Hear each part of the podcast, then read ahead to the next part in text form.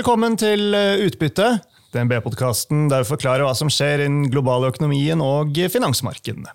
Jeg er Marius Brun Haugen, og med meg har jeg Steffen Evjen, som er aksjeanalytiker her i DNB Markets, med oljeselskapene som sitt eh, spesialfelt. Velkommen tilbake i eh, studio, Steffen.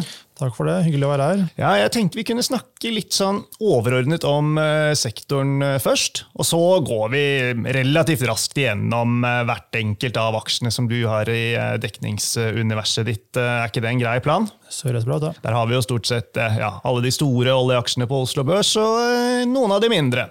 Det er onsdag 24. januar. Klokken har passert ti når vi sitter her og spiller inn episoden. og olje- og gassaksjene på Oslo Børs har jo startet året på den eh, negative siden. Eh, det siste året har heller ikke vært eh, sånn kjempebra. Vi har riktignok f.eks. Vår Energi og Equinor som er opp hvis man hensyntar utbytte, men sånn relativt til det generelle markedet så har det jo vært mindre avkastning. Og så skal vi heller ikke glemme at før det igjen, da, slutten av 2021 og inn i 2022, så var det jo en god periode. Men poenget mitt, sentimentet rundt oljeaksjene det det virker litt tungt om dagen? Ja, det er riktig. Det, det har liksom vært en, eh, en, holdningsendring her som har eh, skjedd gjennom det siste halve året ca. Eh, hvis vi spoler tilbake seks måneder, så så jo ting veldig bra ut. Oljeprisen var jo over 90 dollar. OPEC hadde kutta produksjonen, og, vi trakk på lagrene, så det så veldig ryddig ut. og Alt lå til rette for en en, en, god periode. Og så så vi gjennom fjerde kvartal i fjor at uh, lagrene begynte å bygge istedenfor. Uh, de fleste klødde seg litt i hodet over hvorfor, men det vi vel har sett nå i ettertid, er at uh, det har vært en kombinasjon av dårligere etterspørsel uh, enn venta. Så har det også vært et større tilførsel av olje fra USA, Brasil, Eh, også sanksjonerte land som Iran og Venezuela har kommet tilbake med litt mer eh, produksjon. Så nå har jo oljeprisen det falt jo egentlig gjennom hele fjerde kvartal, og, og nå har den jo stabilisert seg på sånn rundt 80 dollar, som, som historisk sett er en, en høy pris. men eh, men problemet nå er jo egentlig at uh, ser man på aksjekursene så, og regner baklengs, så priser de inn en oljepris langsiktig som er sånn høyt på 70-tallet. Slik at uh, for at aksjene skal, skal, funke i 2024, så uh, må vi ha litt hjelp av oljeprisen. Og I tillegg her så har jo også gassmarkedet vært, vært, vært ganske svakt, og gassprisen har jo falt egentlig enda mer enn oljeprisen. Og Det er jo åpenbart viktig for flere av aksjene på Oslo Børs, spesielt Equinor og, og Vår Energi, som, som, har en relativt høy andel gassproduksjon i, i miksen. Så det har vært en, en sum av, av, de to elementene som har gjort at, at ting ser litt, litt, krevende ut. Og så det vi prater med, med, kunder om nå, det er egentlig utfallsrommet. Mm. Og klart, en, en, en aksje har jo et, eh, et, utfallsrom på oppsida og nedsida. Og det som vi mm, og veldig mange av kundene også ser nå, det er at eh, nedsida virker å være eh, litt mer skremmende og litt mer sannsynlig enn oppsida. Og det vi tenker på da, det er jo at OPEC har kutta produksjonen gjennom store deler av, av fjoråret. Saudi-Arabia produserer i dag 9 millioner fat per dag, som er et historisk sett ganske lavt nivå til de å være. Vi tror nok de ønsker å produsere mer. Så spørsmålet nå er jo hvis vi ser ytterligere svakheter i oljemarkedsbalansen i år, eh, oljeprisen fortsetter å falle, kan vi da stole på at OPEC vil eh, kutte ytterligere, eller eh, kan det hende at de eh, gjør sånn som de gjorde i 2014 og i 2020, at de heller prøver å vinne markedsandel. og ja, skifter, skifter, strategi eh, totalt og, og åpner kranene, rett og slett? Ja, og, da, da, måte, da, skal oljeprisen falle betydelig, og, og, og kanskje ned mot 40-50 dollar per fat. og Da, da vil det se veldig, veldig dårlig ut for, for, aksjene. så Det er jo det man ser litt på nå, at den si, risk reward eh, er litt svakere enn det har vært på en, på en god stund. Mm. Men uh, vårt base case er fortsatt at oljeprisen skal stige mot uh, eh, 85 på, på, slutten av året. og da da skal aksjene stå høyere gjennom året, hvis, hvis det skjer. Ja, ja, men Det er interessant. Altså, i, i, forlengelsen av det du sier, og som et lite datapunkt av uh, mange. Jeg hadde en oppdatering med en uh, forvalter i går som investerer i norske aksjer. Han trakk fram akkurat dette her med usikkerheten rundt etterspørselen. at vi ikke skal undervurdere muligheten for at oljeprisen fort kan bikke ned ikke sant, mot 70 dollar fatet. Liksom, spekulasjonen er vel at uh, fra, fra, hans side er vel at da finner man bedre avkastningsmuligheter i forhold til risiko uh, andre steder uh, nå. Og så skal ikke jeg legge ord i munnen på han, da, så jeg får bare si at denne oppdateringen er tilgjengelig på videosidene våre inne i uh, aksjehandelsløsningen, så uh, anbefaler alle å gå inn og se den uh, hvis de har tid og anledning til det. Jeg snakker også om mye annet enn olje der. Men det jeg tenker litt på her, altså hvis mange tenker sånn, som liksom du indikerer, og som ja, dette her var ett liksom, datapunkt på, så kan jo det i seg selv etter hvert også gi noen kanskje gode inngangsmuligheter da, for den litt langsiktige, hvis man har et litt sånn sentiment som gjør at disse aksjene blir kanskje tråkket litt ekstra ned og litt uglesett i en periode? Ja, definitivt. Nå har vi jo sett at aksjene alle som igjen har falt eh, ved starten av året, og vi er vel ned sånn nesten 10 eh, Ja, for de aller, altså flere av de, de, store, i hvert fall. Ja, og det er jo ganske mye med tanke på at vi eh, knapt har vi har ikke runda januar ennå. Så ja, definitivt på, på, lang sikt. Og vi har jo en kjøp fortsatt på Aker BP og vår, og det betyr jo at vi på lang sikt mener at det her er det verdier å, å tjene i aksjene. Så, så, det er definitivt riktig det at, at, her tror jeg det kan også være en inngang, men uh, sånn i det korte bildet så tror jeg at veldig mange av de vi prater med, er opptatt av å klarere de usikkerhetsmomentene. og vi må liksom helst se noen datapunkter som beviser at uh, etterspørselen stiger som vi tror, og lagrene trekkes på, og oljemarkedsbalansen blir måtte, tightere, som da kan føre til at OPEC heller kan reversere kutt fremfor å kutte. og Da, da vil ting se litt bedre ut, og, og, sentimentet vil nok endre seg litt. Så, så skal vi også huske på her for et halvt år siden, når ting så veldig bra ut, uh, så var jo alle enige om at ting så veldig bra ut. Og nå er jo egentlig, Det er jo en flokkmentalitet, så nå har jo de aller fleste snudd og syns det ser veldig skummelt ut. Mm. Så ja, kanskje det er da man skal, faktisk skal kjøpe. Ja.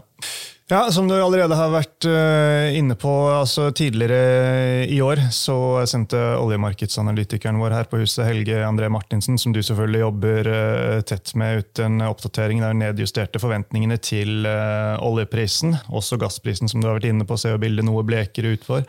Så dette slår jo rett inn i estimatene for inntjeningsforventningene dine, naturligvis. Altså nå, nå ser vi en oljepris på 82 dollar fatet i snitt i 24, er det vel? Og 85 eh, i 2025. Eh, eh, så ja, var det betydelige nedjusteringer som følge av dette her?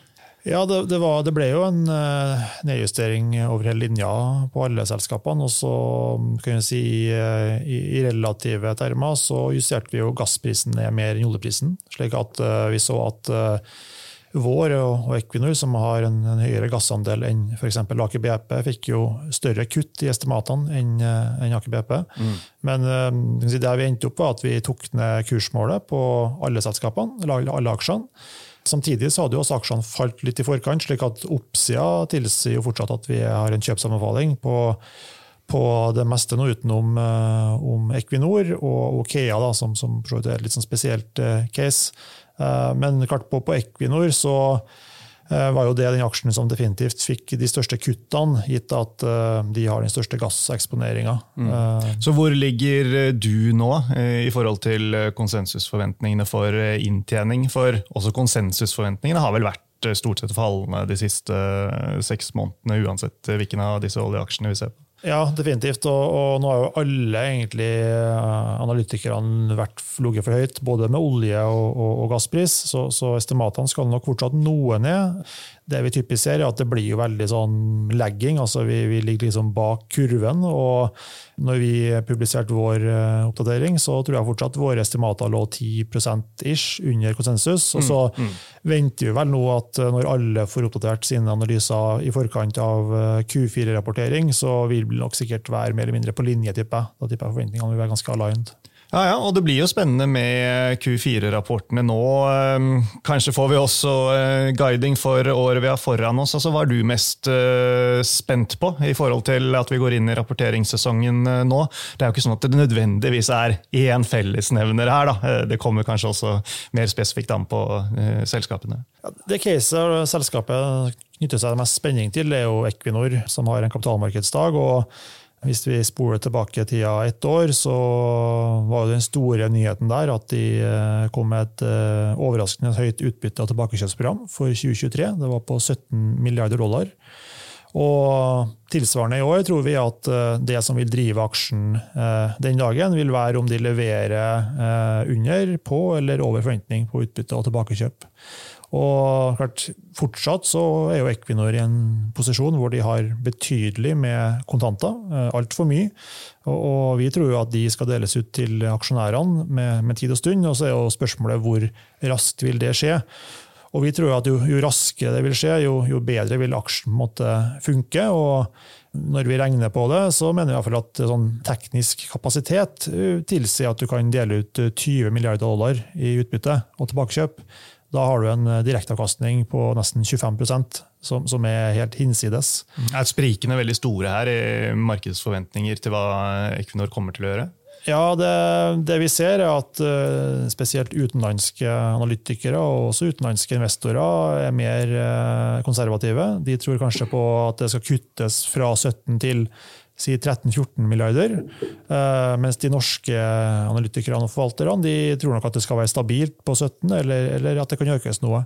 Og, og det her ligner veldig på det bildet vi også så i forkant av tilsvarende event i fjor Eh, og da gikk jo aksjen 7% på den dagen, eh, noe jeg tror er historisk eh, sett den beste dagen Equinor har hatt. Og Hvis vi får rett da, og tror at de vil øke utbytte og tilbakekjøp og overraske markedet, så skal jo aksjen antageligvis ha en betydelig outperformance på, på rapporteringsdag. Ja, og sånn utbytte altså generelt eh, Det ligger jo an til at både Equinor og flere av selskapene er i posisjon til å eh, betale godt. Men det, altså, det, gir vel også en viss grad av ja, nedsidebeskyttelse. Er litt sånn dårlig ord, kanskje. men ja, definitivt. Eh, det er der vi står litt også i den risk reward-perspektivet. Eh, så vil jo aksjene og selskapene ha ganske god cashflow på dagens olje- og gasspris, selv om det har falt. Og utbyttegilden, direkteavkastninga, er jo på ja, den er jo nesten 10 fra Aker BP, og, og 14-15% for vår. Og for Equinor nå så er den jo rundt 20% Klart det, det, har de kapasitet til å videreføre og fortsette med. Og vi ser jo på det som en veldig attraktiv måte si, Om det blir et gulv, vet jeg, men det er iallfall definitivt eh, en direkteavkastning som, som er, er, veldig attraktiv, og som, som, det, som, du har visibilitet på eh, med dagens olje- og, gasspris. Så det, det funker jo som en, en slags si, buffer eller hvilepute. Mm. Ja, jeg mener jeg leste det at uh, Equinor uh, inntil uh, ja, dagen før kapitalmarkedsdagen skulle hemmeligholde hvor det er den skal være. Så hvis du vet det, Steffen, så da må du i hvert fall ikke si det her. Ja, vi får nå se, vi får nå se. Men uansett, fornybarambisjonene til Equinor, da? Er det spennende? Ja, det knytter seg jo litt spenning der. og gitt... Uh, en veldig liten del av selve investeringscaset? Det er um, en liten del av inntjeninga. Det er jo egentlig en uh, ikke-eksisterende del av inntjeninga. Og så hvis vi tror på deres planer, så skal jo fornybarvirksomheten bli en mer betydelig del av investeringsbeløpene fremover. Slik at i dag bruker de 10 av CapEx-en på fornybart. Og med slutten av tiåret her så skal det bli opp mot 40-50% Vil vi se at de flagger eh, større eller lavere, eller eh, at de holder ambisjonene mer eller mindre på stedet hvil, tror du? Alt tyder jo på at uh, ting kanskje blir dytta litt i tid. Uh, det ser vi jo nå i USA, hvor det er um, problemer med kommersialiteten i prosjektene som, som gjør at uh, det ikke er lønnsomt. og Da har Equinor vært veldig taktfast på at eh, er det ikke lønnsomt, så investerer vi ikke. Det er klart det er jo veldig positivt for, for aksjen. og i det måte, bildet så, så, tror vi nok at uh, kanskje kapasitetsmålene um, om noe vil, vil, senkes litt, og at uh, investeringsbeløpene vil da dyttes litt ut i tid. Men vi tror fortsatt at den trenden med at eh, en større andel av investeringsmassen vil brukes på fornybart, eh, den står seg fortsatt. Men eh, vi ser nok kanskje at, at det går litt tregere enn man, man tidligere forventa. Mm. Ok, du har en holdanbefaling som sagt på Equinor. Kursmålet 340, stemmer ikke det? Prisingen, da? Rundt syv ganger PE. Er det mer eller mindre på linje med sektoren? Ja, Når vi har en hold og det targeten vi har, så, så, er det en prising som tilsvarer det man får eh, andre peers på, altså andre europeiske større olje- og gasselskap. Eh, vi mener jo at Equinor eh, verken fortjener en rabatt eller en premie til de andre, så, så da havner vi der. og kan si syv ganger PE, det, det, er jo et attraktivt tall sånn isolert sett, men, men for den har jo handla på tigangeren og over det, hvis den går noen år tilbake. Det vi må huske på her, da, det er at vi har et veldig høyt rentenivå i dag. Det tilsier at du skal ha et høyere avkastningskrav, og da skal PM-typen generelt sett for aksjer være lavere.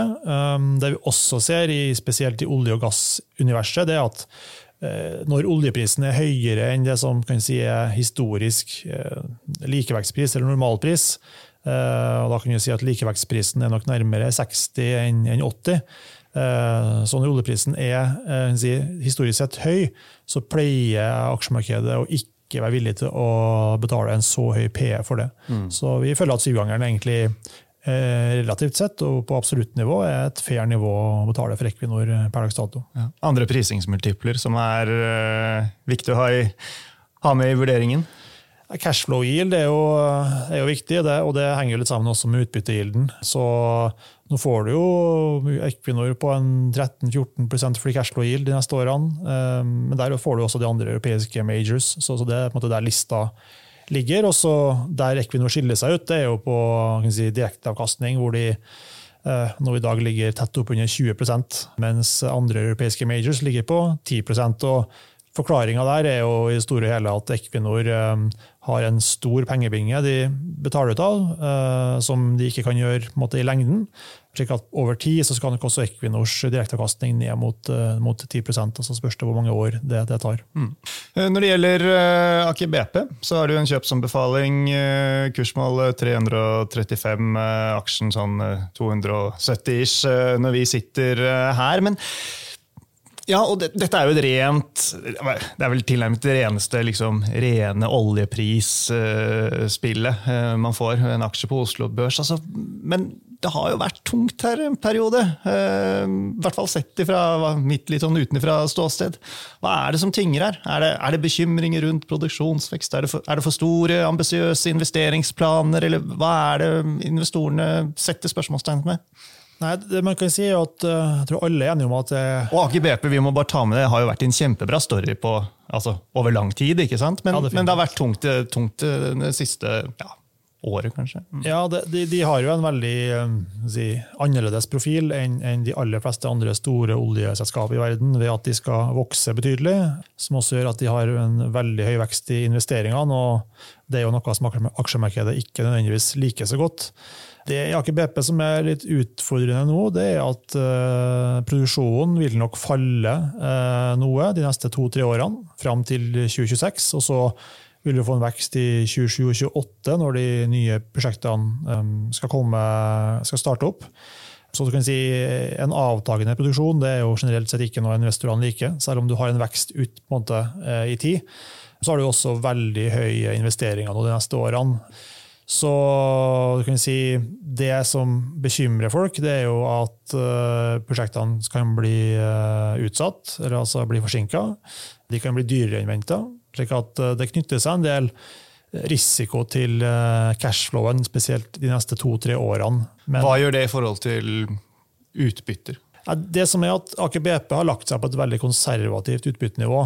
slik at eh, de kan øke utbyttet hvert eneste år, tror vi, de neste årene, fram til 2030. Og noe av det må kanskje fundes av balansen, altså av, av, gjeld. Det er vi ikke noe bekymra for, for de har en, en veldig lav nettogjeld netto i dag. Uh, slik at de har nok det mest si, robuste utbyttenivået av, av, alle i dag. Og, og, Hva snakker vi i forhold til direkte avkastning? Nå får du jo det er vel 8-9 du får i dag.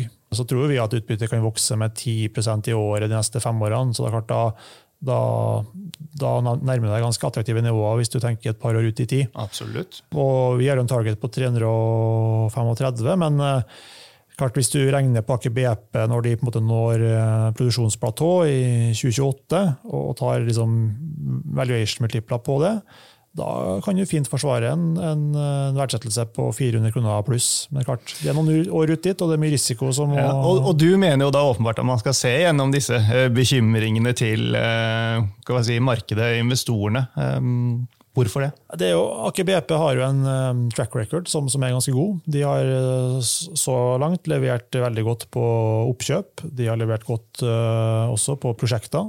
Så det ikke har vært noen overskridelser på kost hittil. Mm. Og det som er unikt med det her, det er at de tok jo veldig fordel av den skattepakken som kom under covid. Slik at om noen av prosjektene skulle måte, ta lengre tid, bli dyrere enn venta, så tar staten en, en, en, god del av de kostnadene. Så selv om eh, et prosjekt skulle bli 10-20% dyrere enn, enn man eh, initielt trodde, så vil det slå relativt lite på både cashflow og verdsettelse. Um, så de, de, er ganske godt beskytta, og, og da, da ser det egentlig veldig veldig bra ut. Men, eh, men, nå har spesielt utenlandske investorer har en tendens til å se kun på de neste ett til tre årene. Og, der eh, er det litt mer krevende farvann, så vi må nok gjennom måte det året her og neste året før, eh, før markedet begynner å, å, å, prise den aksjen på si, den verdsettelsen som kan se i 2027-2028. Mm. Ok. Vår uh, energi er uh, ja, den siste av de store eh, oljeselskapene på Oslo Børs. Eller olje- og gasselskapene er vel viktig å ta med når vi snakker om vår energi. For det er jo definitivt begge deler. Du har kjøpsanbefaling, kursmål 36, aksjekursen sånn ja, 29 sist jeg så på den.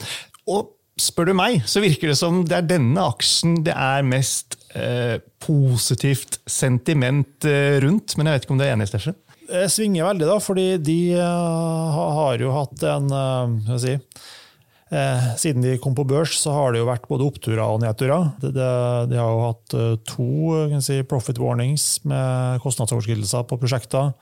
De gjorde et oppkjøp som ble annonsert i fjor sommer, som ble veldig godt mottatt. Neptune Energy, som, som vil øke produksjonen med 25% ca. Det vil nok closes antageligvis her i første kvartal. Så det har vært litt sånn både og der. Det som det knytter seg spenning til der i, i år, er jo selvfølgelig hvorvidt eh, Balder X kommer uh, til å starte opp som, som uh, vi håper på i, i, tredje kvartal, og også Johan Castberg i fjerde kvartal. Hvis det gjør det, så er vi ganske trygge på at aksjen her står høyere enn hva han gjør nå ved slutten av året. Hvis ikke noe hvis oljeprisen og gassprisen holder seg på nivået det er i dag, og da vil 2025 eh, eh, bli et enormt bra år for, for vår energi, hvor mm. du får en vanvittig vekst i produksjon, cashflow, alt, alt som er. Og så er det litt sånn motsatt Aker BP. Hvis vi ser lenger ut i tid, eh, så har jo vår mindre si, visibilitet i det andre halvdelen av det tiåret her. Så, så, men det, det, er ting de kan adressere, enten gjennom oppkjøp eller, eller å gjøre organiske ting med, med den porteføljen de har i dag. Ja, der tok du egentlig brodden av det jeg hadde tenkt å utfordre deg på. for Jeg hadde liksom tenkt å spørre deg, men Er det ikke noe usikkerhet eh, rundt at de klarer å levere i henhold til eh, produksjonsplanen? Altså at de klarer å levere på prosjektutførelse? For det er vel, som du nevnte, eh, der det har vært litt rusk, da, om vi skal si det sånn. Det er en del usikkerhet. Også er spørsmålet hvor mye av den usikkerheten er prisa inn i aksjen. Det er litt vanskelig å regne på måte, konkret på, men vi, vi, tror nok nå at, at det er en del usikkerhet der, og, og det har også vært en del si, rykter og, og, og, litt sånn uh, prat rundt omkring om at uh, kanskje Balder måtte ikke når det tidsvinduet og, blir utsatt med tre til seks måneder. Det har vært litt støy, støy der, så, så, vi tror nok at, at, en del av usikkerheten nå er Men Vil markedet eventuelt se gjennom det, eller vil det være en litt sånn X-faktor nå eh, i det nærmeste bildet? Jeg tror nok at hvis, hvis den eh, oppstarten der sklir med, med, et halvt år, så vil du nok få en negativ kursreaksjon når det blir annonsert. Hvis det skulle skje. Men eh, det er klart eh, hvis man ser da mot 2025 her, så, så, er det jo slik at oljen den forsvinner jo ikke. Den blir bare utsatt med, et, med kanskje tre til seks måneder. Så er det fortsatt ganske store merverdier i caset, mener vi. Mm.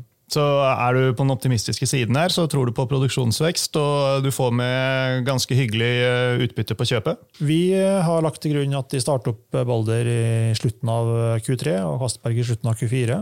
Så vi ligger eh, sånn konservativt til på den tidslinja, kan man si, og så, og så vil du få egentlig produksjonsveksten fra de feltene primært i 2025. Mm. Men vi tror utbyttet der vil holde seg stabilt eller vokse moderat de neste to årene. og da får du en hyggelig utbyttegild der på, på 15 eh, sånn aksjen står i dag. Ja. Vi må gjennom de litt mindre oljeselskapene også. Går kanskje litt fortere gjennom de, men ta Okea først. Det er tatt ned til hold, kursmål 28. Mm, aksjekursen under det når vi sitter her. De har hatt sine utfordringer. Er det det at de ikke har klart å levere på økereserver og, og produksjon fra de eksisterende feltene? Det var jo en eh, event der som, som skjedde i fjor, og som egentlig si, materialiserte seg på tampen av året, hvor de gjorde et oppkjøp av eh, en eierandel i Statfjord fra Equinor. Det, det, ble mm, det som initielt sett så, så veldig bra ut. Det, det endte opp med å bli ikke så bra. De, det ble jo kutta i reserveanslagene på det feltet i etterkant av avtalen. Og, og summa summarum, det det endte opp med, var at de måtte ta store avskrivninger, nedskrivninger på mm. mer enn halvparten av, av, kjøpsprisen.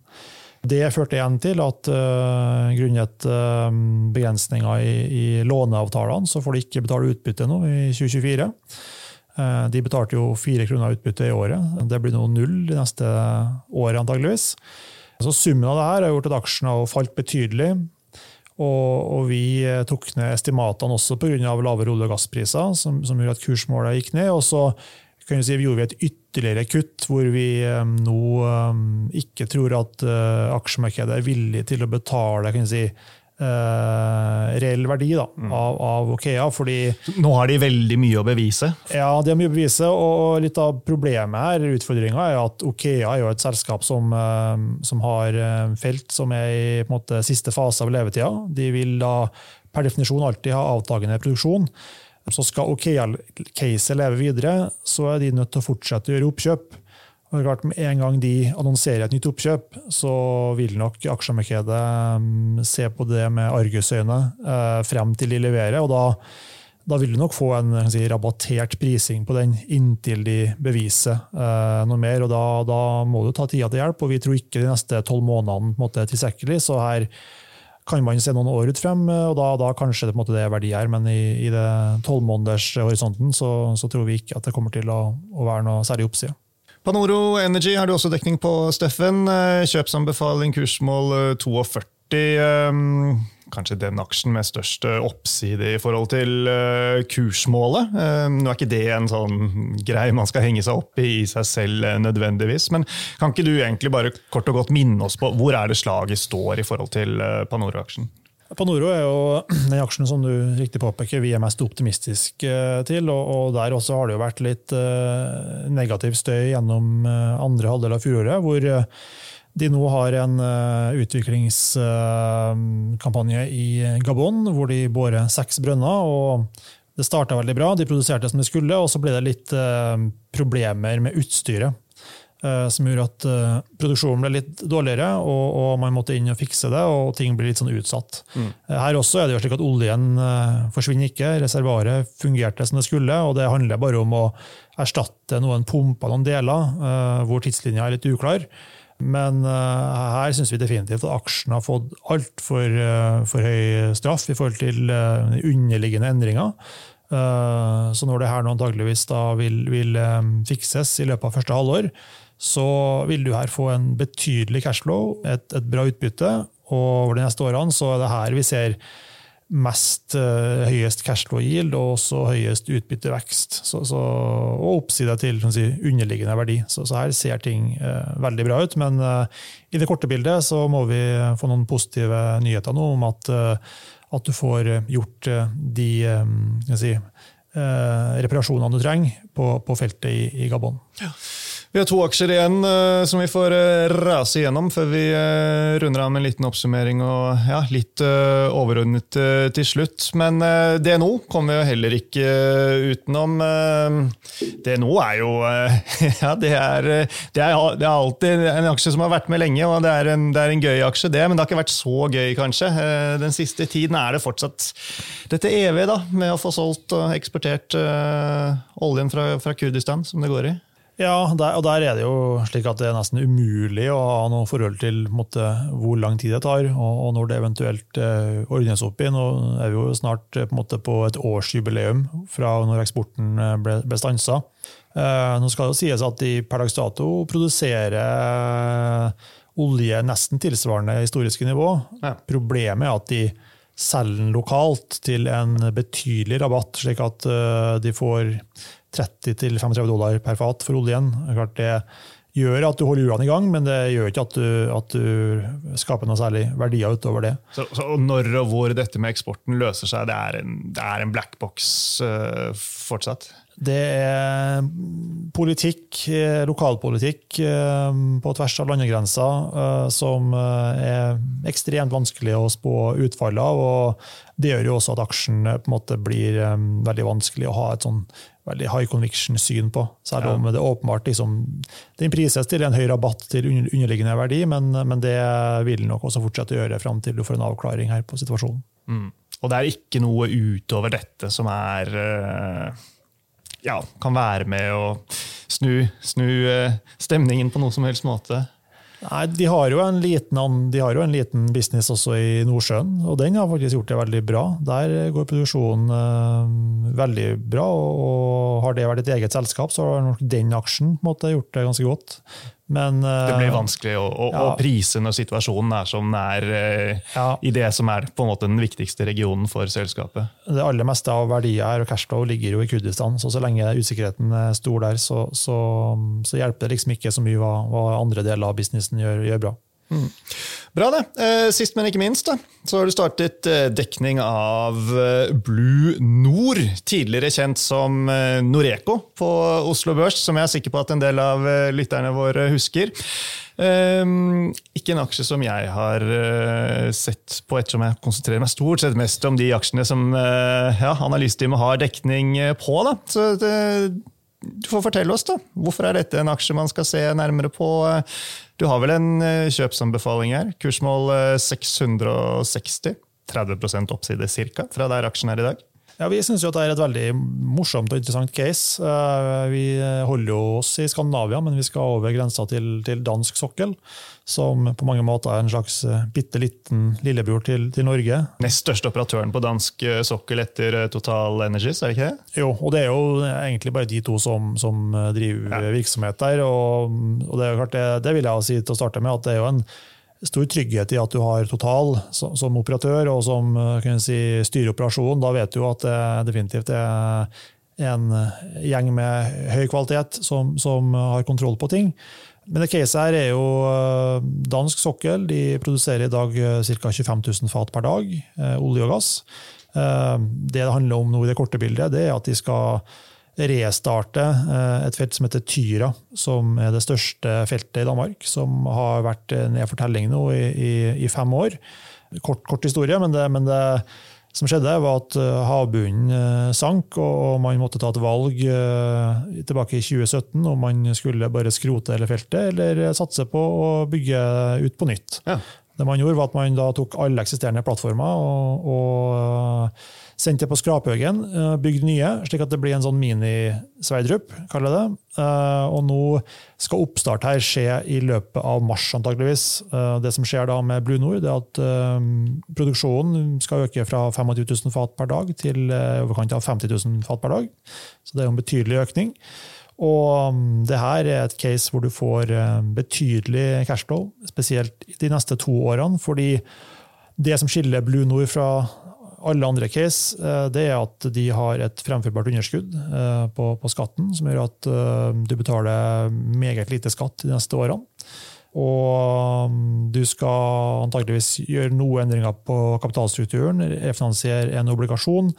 Og når det er gjort, så tror vi også at det vil åpne seg for utbytte her ved, ved andre halvdel i, i år. Så Dansk sokkel, ofte på en måte oversett. Det, de produserer jo 3% av norsk sokkel, så det kan man jo sånn sett forstå. Men, men, her eh, mener vi at det er et case som det er betydelig oppsidepotensial i. Så, så oversett og hva skal vi si, undervurdert og underanalysert eh, en grunn til at man skal eh, vurdere å ta en ekstra kikk på, på Blue Nord? Ja, jeg syns det. fordi sånn som norsk sokkel har vært, det har vært veldig mye aktivitet, veldig mange selskap.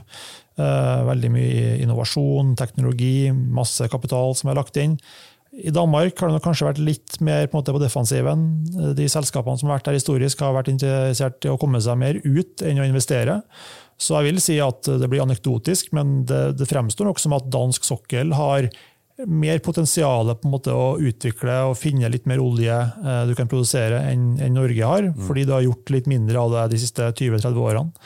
Eh, og Det tror vi at Blue Nord vil dra nytte av, og det vil supportere at eh, produksjonen vil holde seg høy kanskje lenger enn man, eh, man, man tror. Slik at, mm. eh, Market capen rundt 13 milliarder, så ikke ikke kjempestor. altså Omsetningen i aksjen kanskje greit å være obs på, ikke den nødvendigvis uh, største. Nei, Det har vært, eh, det er kanskje som er den tekniske ulempen med aksjen, det er jo at det er si, Fri flyt fremstår jo som, som høy, men her er det si, topp fem aksjonærer har to tredeler av aksjene. Så vi må nok si at aksjonærstrukturen eh, kanskje løses opp litt, eh, og at det blir mer fri flyt og mer eh, handel i aksjen, da tror jeg at du kan få en teknisk måte, mm, uplift på det. Og det er sånn som typisk kan skje når de refinansierer obligasjonen, begynner å betale utbytte. Da kanskje du ser en endring i aksjonærstrukturen når caset blir litt sånn transformert. da. Mm. Ok, ja, men uh, bra det. Hvis vi skal prøve å oppsummere litt. Uh, flere kjøpsanbefalinger enn uh, holdanbefalinger i dekningsuniverset ditt. utbytter, det kan vi forvente fra flere av særlig de store selskapene. Og så er jo spørsmålet hvor stort blir det? og Det blir spennende å se for i forhold til Equinor og hva de sier på kapitalmarkedsdagen sin.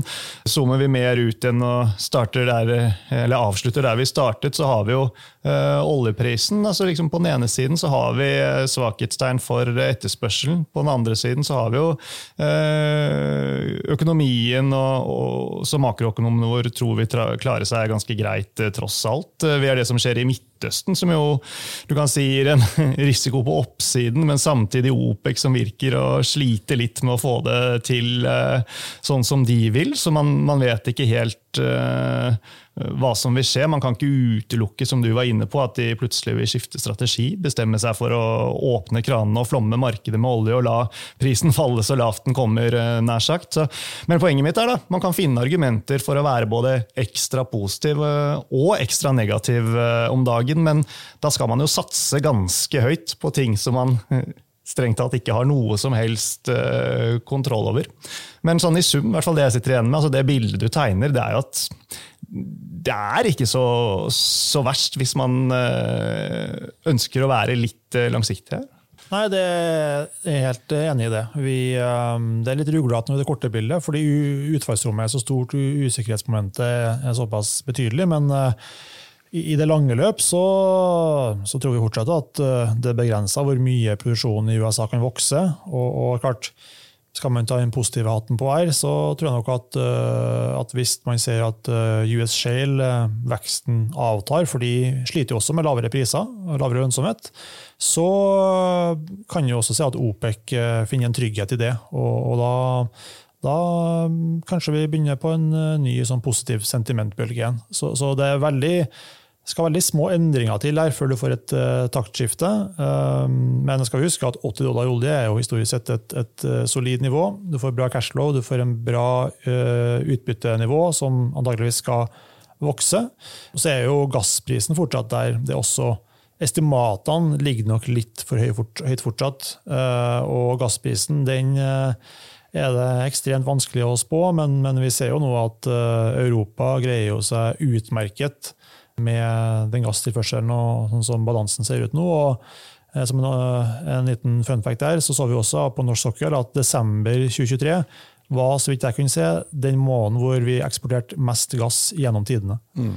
Eh, så, så, gass var jo et stort si, problem i Europa for bare et halvannet år tilbake, og det har jo nå blitt mer et luksusproblem. egentlig. Ja, bra det, Steffen. Eh, tusen takk for en eh, god eh, gjennomgang. Veldig fint å bli oppdatert. Jeg er helt sikker på at kundene våre setter pris på.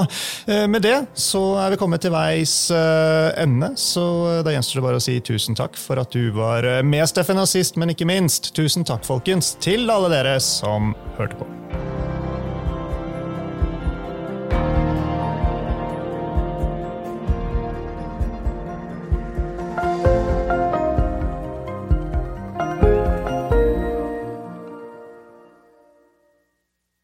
Denne sendingen ble publisert i podkasten Utbytte. Innholdet i sendingen er å anse som markedsføringsmateriale fra DNB og er ment å være generell spareveiledning.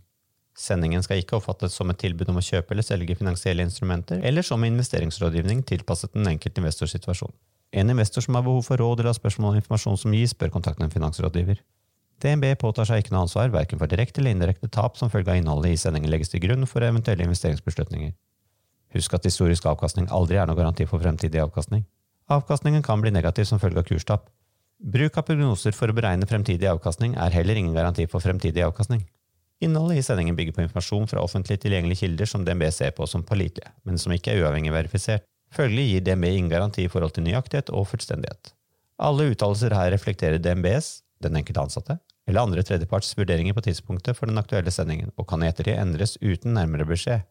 Ytterligere informasjon om bl.a. kildebruk og interessekonflikter er tilgjengelig på dnb.no skråstrek invest disclaimer.